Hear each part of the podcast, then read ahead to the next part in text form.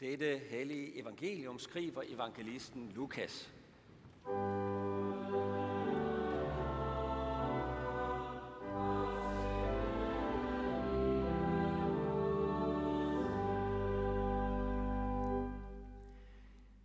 Jesus fortalte dem en lignelse om, at de altid skulle bede og ikke blive trætte.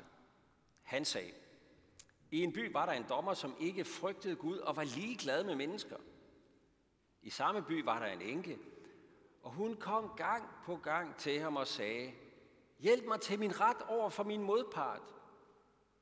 Længe ville han ikke, men til sidst sagde han til sig selv, Selvom jeg ikke øh, frygter Gud og er ligeglad med mennesker, så vil jeg dog hjælpe denne enke til hendes ret, fordi hun volder mig besvær. Ellers ender det vel med, at hun kommer og slår mig i ansigtet. Og Herren sagde, hør, hvad den uretfærdige dommer siger. Skulle Gud så ikke skaffe sine udvalgte deres ret, når de råber til ham dag og nat?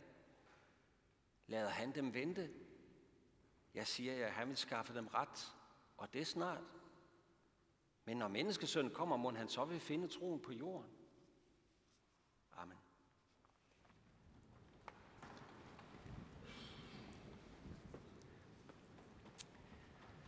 Det handler om bøn i dag. Jesus fortalte den her lignelse, og det giver os jo billedet af en kvinde, som ikke gav op. En enke. Hun havde by, brug, brug for, at byens dommer skulle skaffe hende ret. Det er jo det, en god dommer skal. Han skal sørge for, at ret og retfærdighed sker fyldest. Men øh, lignelsens dommer her, han er ligeglad med retfærdighed og med Gud og med mennesker. Så i virkeligheden så er den her enkes situation ret håbløs. Når hun er enke, så er det jo fordi, at det var nogle af de svageste i samfundet. Dem, der havde mindst magt. Og sådan en, en, en kvinde som hende her, hun havde ikke nogen midler til at overbevise den her uretfærdige dommer om, at han skulle hjælpe hende. Hun kunne ikke købe sig til dommerens gunst. Det gav ham ikke en fjer i hatten sådan blandt de fine, at, at han havde hjulpet hende. Det var ikke noget, han kunne tjene ekstra penge ved, for dem havde han garanteret ikke ret meget af. Så det var en stemme, der var let at overhøre. Dommeren kunne bare være ligeglad, uden at det fik konsekvenser for ham.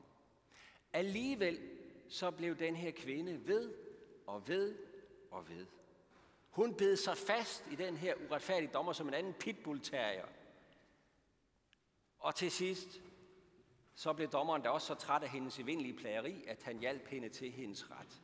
Så kunne han da få fred for det der evindelige spektakel. Det er sådan cirka sådan lignelsen går.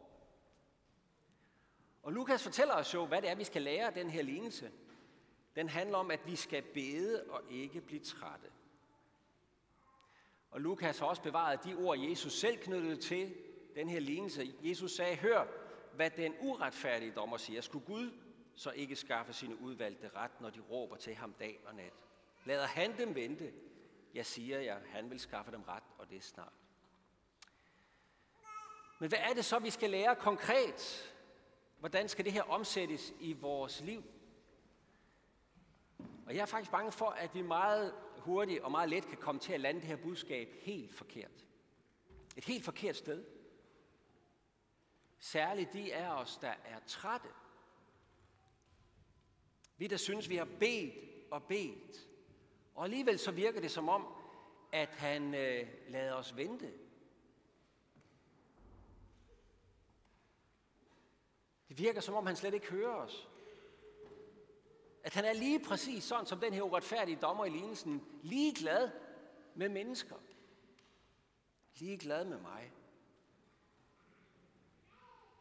Han skaffede mig ikke ret. Han lod alt muligt ondt ramme mig. Han greb ikke ind, og nu er jeg træt, træt, træt, træt. Træt. Der er en, der er træt dernede også på første række.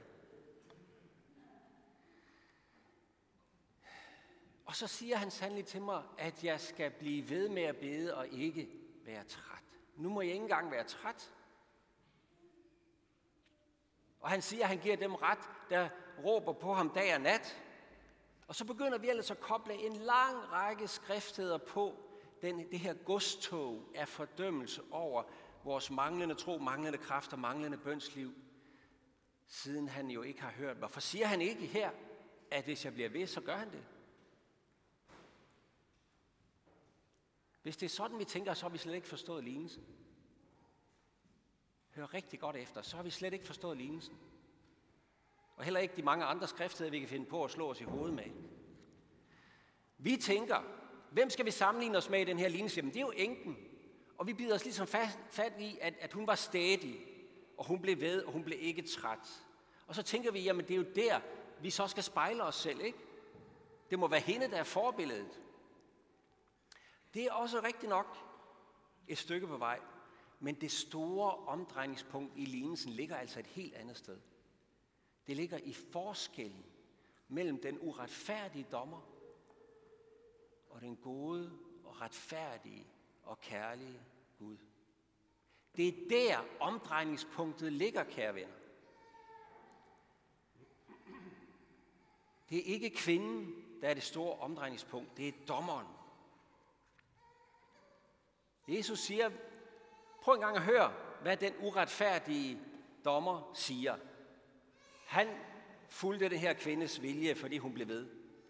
Skulle Gud så ikke, den retfærdige, den kærlige, den gode Gud, skulle han så ikke skaffe sine udvalgte ret, når de råber til ham dag og nat? Det vi skal høre, det er en henvisning til 5. Mosebog, kapitel 10, hvor der står sådan her om Gud. Herren jeres Gud er gudernes Gud, herrenes herre, den store, den vældige, den frygtindgydende Gud, som ikke er partisk og ikke lader sig bestikke, men som skaffer den faderløse og enken ret, og som elsker den fremmede og giver ham føde og klæder. Sådan er Gud. En dommer så retfærdig og så god og ubestikkelig, at der ikke findes nogen menneskelig dommer, der når ham til sokkerholderne. Det vi skal høre, det er forskellen mellem den uretfærdige dommer, der alligevel giver sig til sidst, og den ubestikkelige Gud, som ikke er ligeglad med dig og mig. Ikke på nogen måde, men som elsker enken og den faderløse, den der ikke har noget at komme med, ikke har noget at vifte med, han er ikke ligeglad. Han elsker. Selv den fremmede elsker han. For der er ikke noget menneske, der er fremmed for ham. Og han er ikke ligeglad med et eneste menneske. Derfor skal vi bede og ikke blive trætte. Derfor. Så pointen er ikke, at Gud han er ligesom en citron. Og jo mere man presser ham og presser ham og presser ham, desto mere saft kommer der ud af ham. Jo flere bønhørelser får vi ud af ham. Sådan er det ikke. Pointen er ikke, at hvis jeg ikke synes, at han hører mine bønder, jamen så er det nok, fordi jeg blev træt. Så er det nok, fordi jeg ikke har bedt nok, eller ikke har bedt godt nok. Så er det nok mig, der er noget galt med. Pointen er ikke, at hvis jeg nu bare troede noget mere, bad noget mere, tryllede mere endelig, så vil han på et tidspunkt forbarme sig over mig og give mig det, jeg beder om. Jesus siger et andet sted, det er sådan hedningerne, de tænker. Det er sådan almindeligt, dem der ikke kender Gud, at de tænker sådan, at sådan må det da være. De tror, de bønhøres for deres mange ord, siger Jesus. Det er en hedens tro, at bønhørelse er lige frem proportional med vores anstrengelser og vores evne til at råbe guderne op og vække dem, fordi de sover. Og overbevise dem om vores oprigtighed og inderligheden og retfærdigheden af vores sag og vigtigheden af vores sag, så de dog kan gribe ind. Vores bønhørelse hænger ikke på det, siger skriften. Jesus peger os et helt andet sted hen. Når vi skal blive ved med at bede og ikke blive trætte, så er det fordi, vi har en Gud, der har omsorg for os. Vi har en Gud, der ligefrem bor hos den knuste og den, der er nedbøjet. Det siger Esaja sådan her. For det siger den højt ophøjet, som troner for evigt og hvis navn er hellig. Jeg bor i det højere og hellige, og hos dem, der er knust, hvis ånd er nedbøjet, for at opleve den nedbøjede ånd og opleve det knuste hjerte. Når vi ikke skal blive trætte, så er det fordi, han er der. Og han lytter med hele sit væsen til din bøn. Han vender ikke det døve øre til.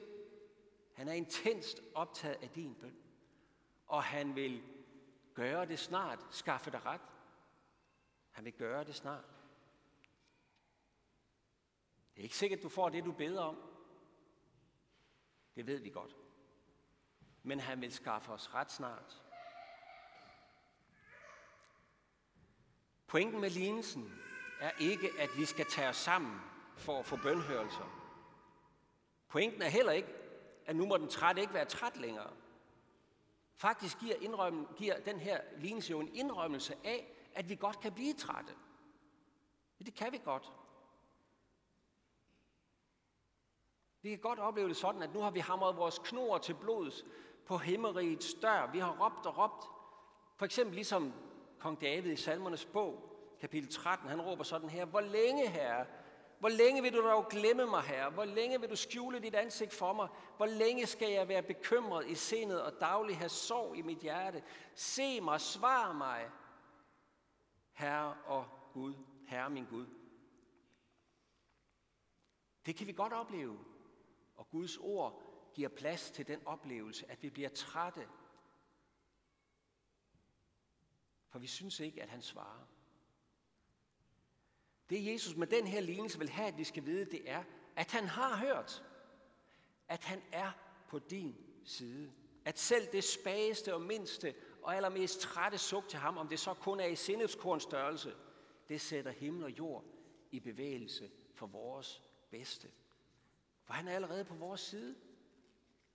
Derfor har bønden en mægtig kraft, fordi Gud er mægtig. Den gør en mægtig forskel, fordi den almægtige har talt hver eneste hoved, hår på dit hoved. Hver eneste tårer, som vi fælder. Han er helt derinde på din side. Derfor skal vi ikke blive trætte. Derfor skal vi ikke miste mod og tro, at vi er forladt af Gud, når vi synes, vi ikke får svar, eller vi ikke får det svar, vi gerne vil have. For det er vi ikke forladt af Gud. Jesus blev forladt af Gud på korset, for at vi aldrig nogensinde skal være forladt af Gud. Han vil give os ret, og han vil skabe alt om, så det bliver godt. Han vil vende alt det onde til gode for os. Han vil tørre være tårer vores kind snart. Og om ikke før, så når han kommer igen. Og det gør han snart. Det han ønsker, det er, at vi ikke skal blive trætte og opgive relationen til ham. At han må finde troen, når han kommer igen, som han sluttede med at sige i vores tekst. At vi ikke må miste tillid til ham undervejs. Og derfor skal vi mindes om, hvordan han er, så vi ikke mister modet. Det er også det, Paulus skriver fat i i Romerbrevet kapitel 8, hvor han tumler med det her spørgsmål. Vil du vide, om du har Gud på din side. Om han er den slags Gud, der hører bønder og er på din side i al din smerte. Så siger Paulus sådan her, jamen er Gud for os? Hvem kan da være mod os? Han, som ikke sparede sin egen søn, men gav ham hen for os alle, vil han ikke med ham skænke os alt. Vil han ikke med ham skænke os alt? Det har kostet ham dyrt. Så langt gik han i sin kærlighed til dig, så langt gik han ind i din smerte, ind i din lidelse, ind i din synd og skam og dom, at han døde for dig på korset og bar det alt sammen. Hele fortabelsen tog han på sig. Din fortabelse. Hvis du vil se, hvor langt han vil gå for dig og for dem, du elsker, så skal du lægge mærke til, hvad det kostede ham at frelse dig. Hvilken pris han var villig til at betale for, at du skal være hos ham i evighed, og at der ikke skal være noget, der kan skille dig fra ham. Derfor skal vi ikke blive trætte. Og bliver vi det alligevel, det gør vi jo, så må vi bede andre om at hjælpe os med at bede og bære os frem for Gud. Og så kan vi minde os om, hvad Paulus siger i samme kapitel, nemlig kapitel 8. At vi selvfølgelig venter på det, vi håber på med udholdenhed. Men så siger han også, ånden kommer os til hjælp i vores skrøbelighed. For hvordan vi skal bede, hvad vi skal bede om, ved vi ikke. Men ånden selv går i forbøn for os med uudsigelige sukke. Og han, der renser hjerterne, ved, hvad ånden vil, for den går i forbøn for de hellige efter Guds vilje. Gud selv, Guds helligånd, beder for os. Går i forbøn for os. Det her, det er bøndens store gave og frimodighed. At den hviler på Guds vilje. Den hviler på Guds egne uudsigelige sukke for os. På hans egen godhed og kærlighed. På hans evige aktive nærvær. Derfor retter vi os mod ham. Derfor bliver vi ikke trætte af at komme til ham og udøse vores hjerte til ham, græde ud hos ham, skælde ud hos ham, håbe på ham, vente på ham og takke ham, fordi han ikke slipper os, når vi er ved at slippe ham. Det er den glæde, vi hørte læst om før, når Paulus siger, glæd jer altid i Herren. Vær ikke bekymret for noget, men bring i alle forhold jeres ønsker frem for Gud i bøn og påkaldelse med tak. Og Guds fred, som overgår al forstand, vil bevare jeres hjerter og tanker i Kristus Jesus. Lov og tak og evig ære være dig, hvor Gud, Fader, Søn og Helligånd, du som var, er og bliver en sand treenig Gud, højlovet fra første begyndelse, nu og i al evighed. Amen. Så vil vi rejse os og med apostlen tilønske hinanden, hvor Herre Jesu Kristi nåde, Guds kærlighed og Helligåndens fællesskab være med os alle. Amen.